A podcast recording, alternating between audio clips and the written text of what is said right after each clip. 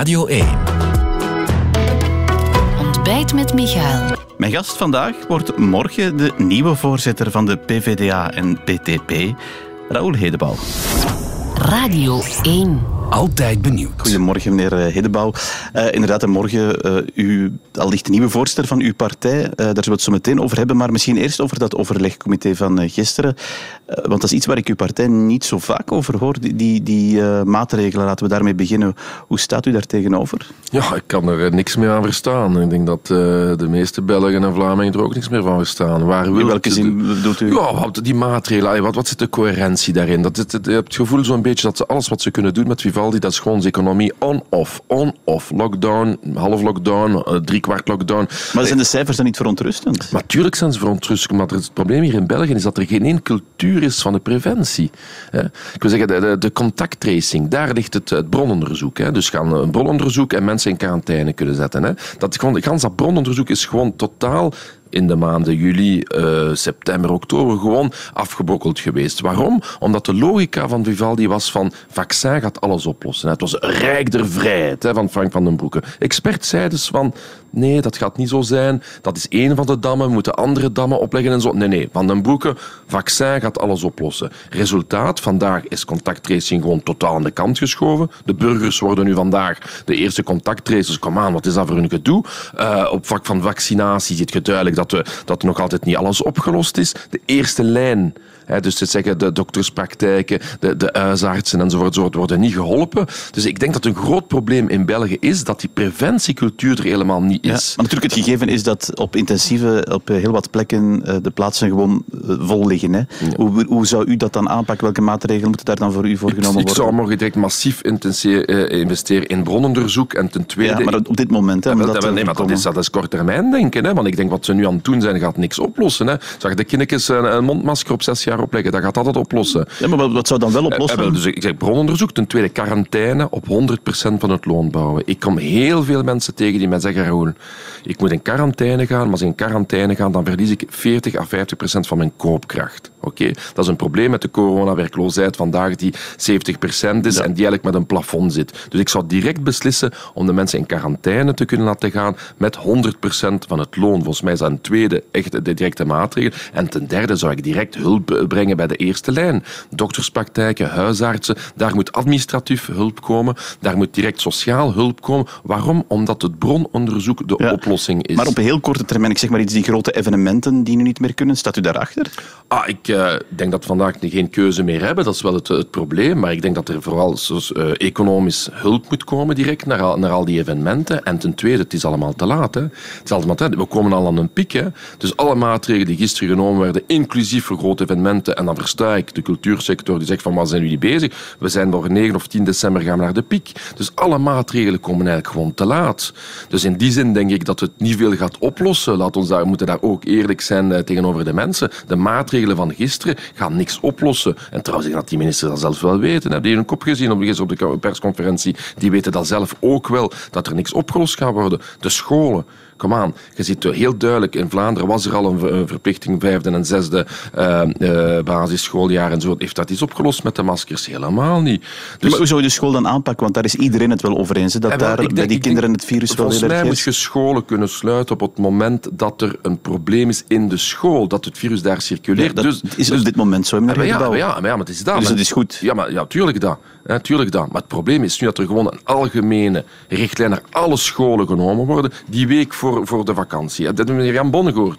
Wat zegt hem van die week voor de vakantie? Oh, we doen daar niks. Uh, even tv kijken. Maar welke wereld zit hij? Voor alle duidelijkheid, als er eh, gevallen zijn in klassen, die, die, dan niet meer gaan. Maar, maar, om die gevallen te, te, te, ontdekken, moet je de CLB's versterken. Heb al eens gehoord wat de CLB's moeten doen? Gewoon, ze geraken er helemaal niet uit. Dus daar wordt gebrononderzoek moeten doen. Wat er nu gebeurt, is dat gewoon die CLB's totaal overwerkt zijn. En dus moet er weer steun zijn voor die eerste lijn. En dat bestaat niet. Ik heb u ook vaccinatie in de mond horen nemen. Hè. Dat, dat is iets waar uh, u voor staat ook? Uh, ja, dus, vaccineren, is daar een grote oplossing? Dat, Dat is één van de instrumenten. Ik vind dat een grote fout is geweest van Vivaldi om te zeggen dat dat het instrument ging zijn. Dat is fout. In onze dokterspraktijken uh, nodigen we ook uit hè, met het volk. U weet dat we ook op het terrein die sociale geneeskunde Dus u hebt geen begrip voor die, die mensen die zich niet laten vaccineren? Ah, wel, ja, maar ik heb wel een begrip met het feit dat mensen niet akkoord zijn met de verplichting van vaccinatie. Ik denk dat repressie niet de oplossing ja, er is. Er is op dit moment geen verplichting nee, nee, ons. Dus gans dat debat... Maar er is geen verplichting. Nee, maar gans dat debat naar waar we toe gaan voor het moment, volgens mij, van verplichten van de CST, COVID Safe Ticket. We zijn daar van het begin af aan tegen geweest met de PvdA. Waarom? Omdat dat juist niet safe was. Het is een COVID non-safe ticket. Dat is het groot probleem geweest. En ik versta dat de mensen het beu zijn dat er vandaag alleen maar met repressieve maatregelen komt en niet met een positieve approach. En ten tweede, ik zeg dat ook, vaccinatie, het is niet het wondermiddel. Kijk in Vlaanderen.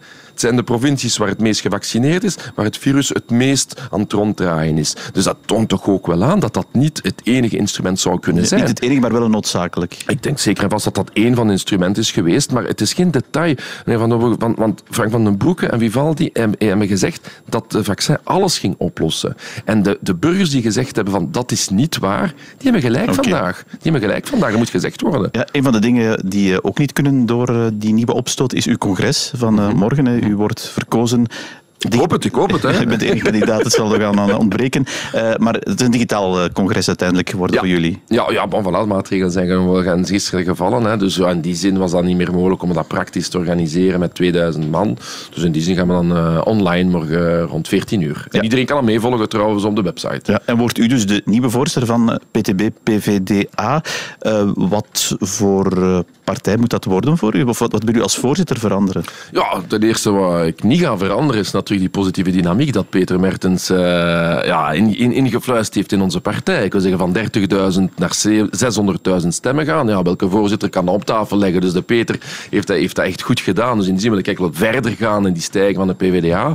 Maar ik denk wat, dat wat is uw ambitie daarbij? Uh, wel, ik denk dat we op politiek vlak in 2024 zeggen twee partijen zoals de N-VA en het Vlaams Belang dat ze het land willen splitsen als ze de meerderheid hebben. Dus voor wij als nationale partij, want ik herinner mij rond alle luisteraars dat wij nog altijd Vlamingen, Walen en Brusselaars in éénzelfde linkse partij zitten. Geniaal gewoon. En dus wij willen natuurlijk wel een campagne voeren tegen N-VA en Vlaams Belang voor eenheid van het land en solidariteit.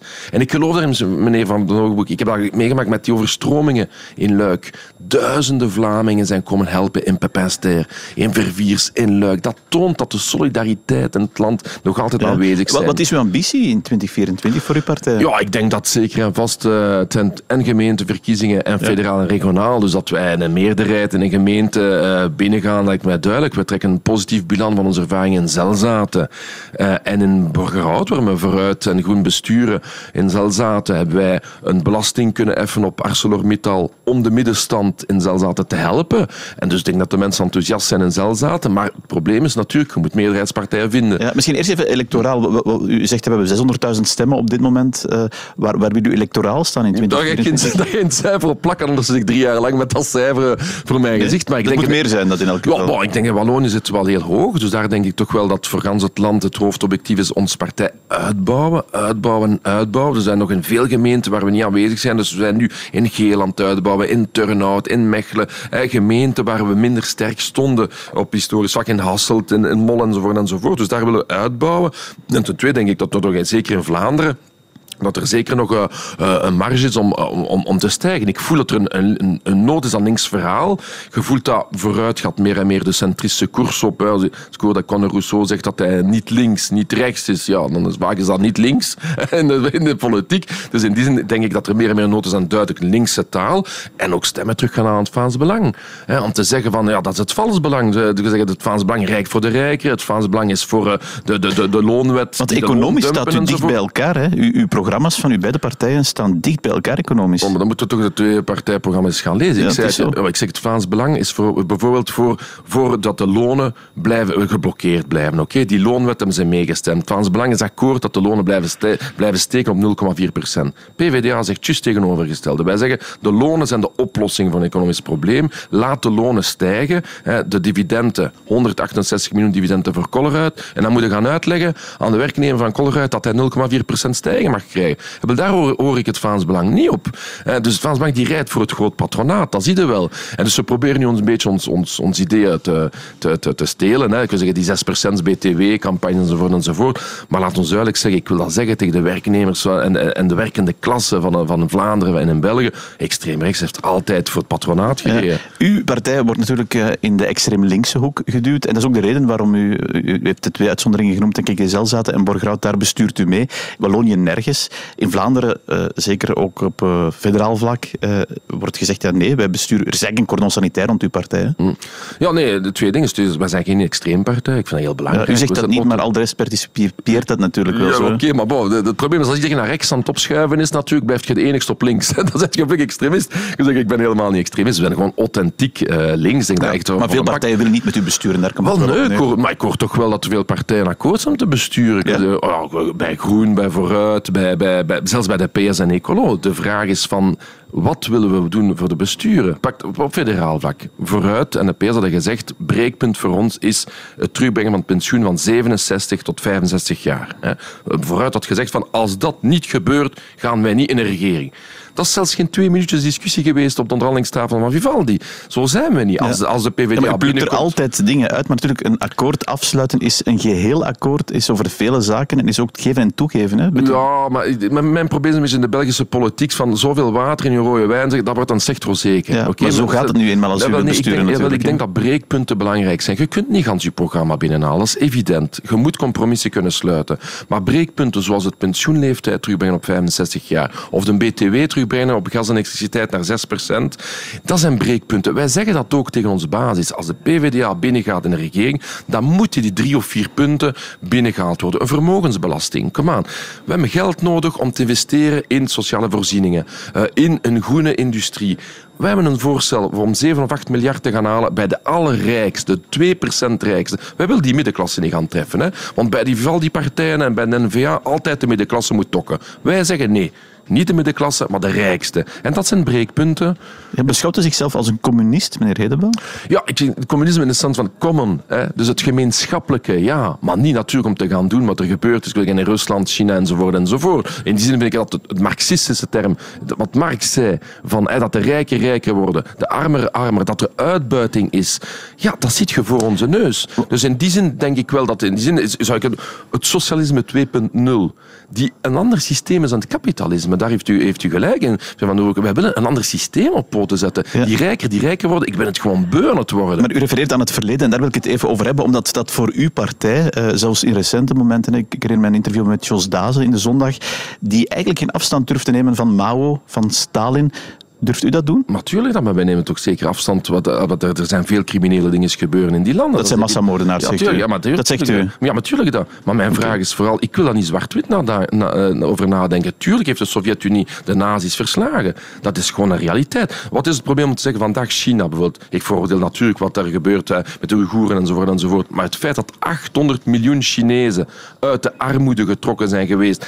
Ja, maar dat is weer Stalin Mao. Maar, nee, maar, maar u die, veroordeelt u die of maar niet? Ja, maar ja, natuurlijk. Maar, ik, kan, maar ik, kan ik wil daar niet zwart-wit over nadenken dat de communisten in België een grote bijdrage hebben gebracht in het verzet voor ons democratische rechten, terwijl een groot deel van onze elite, de traditionele elite, aan het collaboreren waren met de, met de nazi's. Dat is ook historische waarheden. En dus dat zwart-wit denken dat vanuit de Verenigde Staten komt, dat macartisme, daar heb ik niet mee akkoord. Ik wil zeggen, dat anti-Marxisme, ik wil zeggen, gevoeld dat met de extreem rechts die aan het stijgen is, is echt een, een element van fascisering van onze maatschappij. Ik ben niet mee akkoord. Ik wil het nog heel even met u hebben, meneer Hedebouw, over een ander dossier dat gisteren een beetje tussen de maas van het net viel door heel dat uh, overlegcomité ook. Dat is de kernuitstap. Uh, ik weet ook niet zo heel goed waar uw partij zich situeert. Bent u voor of tegen die kernuitstap? Ja, we zijn daarvoor. Maar de vraag is natuurlijk van wat zet je in de plaats? Dat is een groot probleem.